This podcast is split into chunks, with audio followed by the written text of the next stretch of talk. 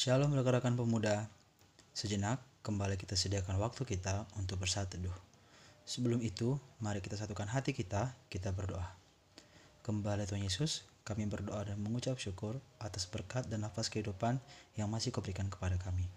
Tuhan Yesus, berkatilah segala aktivitas kami hari ini.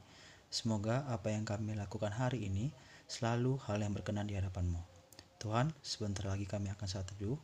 Kau memberkati baik pembacaan Alkitab maupun renungan yang akan dibacakan nantinya. Semoga bacaan dan renungan kami hari ini dapat kami jadikan teladan dan motivasi. Dalam nama Yesus kami berdoa. Amin. Pembacaan Alkitab kita pada hari ini terambil dari 1 Korintus 12 ayat yang ke-21 sampai 26. Jadi mata tidak dapat berkata kepada tangan, aku tidak membutuhkan engkau, dan kepala tidak dapat berkata kepada kaki, aku tidak membutuhkan engkau. Malahan, justru anggota-anggota tubuh yang nampaknya paling lemah yang paling dibutuhkan. Dan kepada anggota-anggota tubuh menurut pemandangan kita kurang terhormat, kita berikan penghormatan khusus. Dan terhadap anggota-anggota kita yang tidak elok, kita berikan perhatian khusus. Hal itu tidak dibutuhkan oleh anggota-anggota kita yang elok.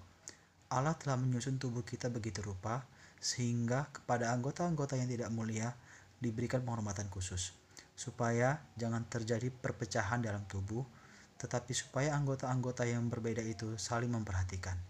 Karena itu, jika satu anggota menderita, semua anggota turut menderita.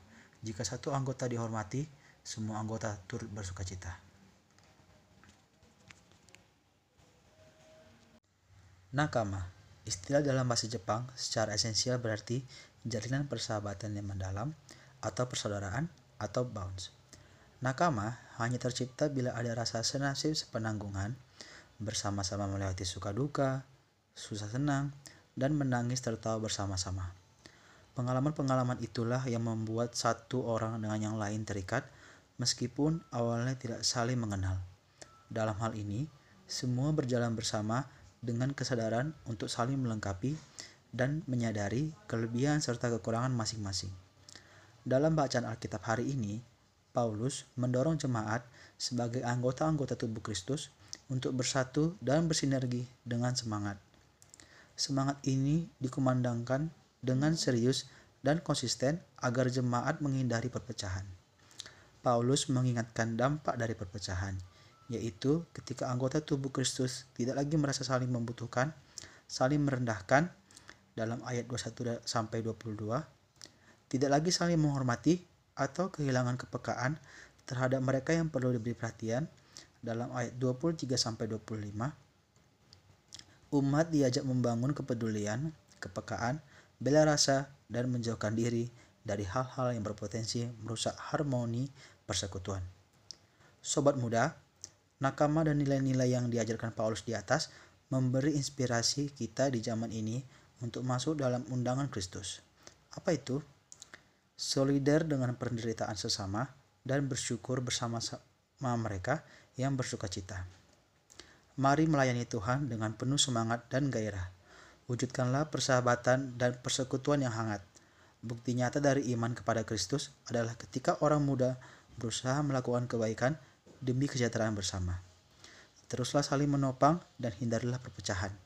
Jadilah pemersatu dan pendamai di tengah persekutuan, di keluarga, di dalam dunia.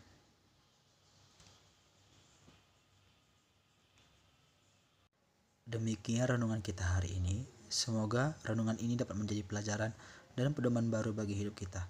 Sebelum kita melanjutkan aktivitas kita pada hari ini, mari kita berdoa. Allah Bapa yang penuh kasih, kembali kami naikkan syukur atas pernyataan-Mu dalam hidup kami. Tuhan, kami telah selesai bersatu teduh. Kiranya apa yang kami baca, apa yang kami renungkan, dapat kami gunakan dan terapkan dalam kehidupan kami sehari-hari. Tuhan, mampukan kami untuk terus bersinergi dalam persekutuan agar kami tidak mengecewakan Engkau. Amin. Selamat beraktivitas rekan-rekan pemuda.